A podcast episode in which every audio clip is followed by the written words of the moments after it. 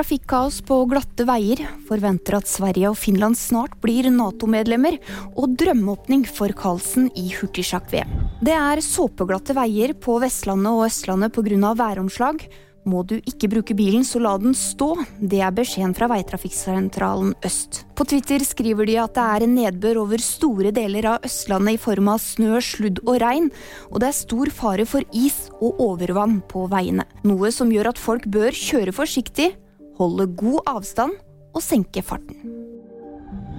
Jens Stoltenberg forventer at Sverige og Finland snart blir Nato-medlemmer. Det sier generalsekretæren i Nato til det tyske nyhetsbyrået DPA. Han kan ikke si akkurat når dette vil skje, men sier at han er helt trygg på at det vil skje i nær fremtid.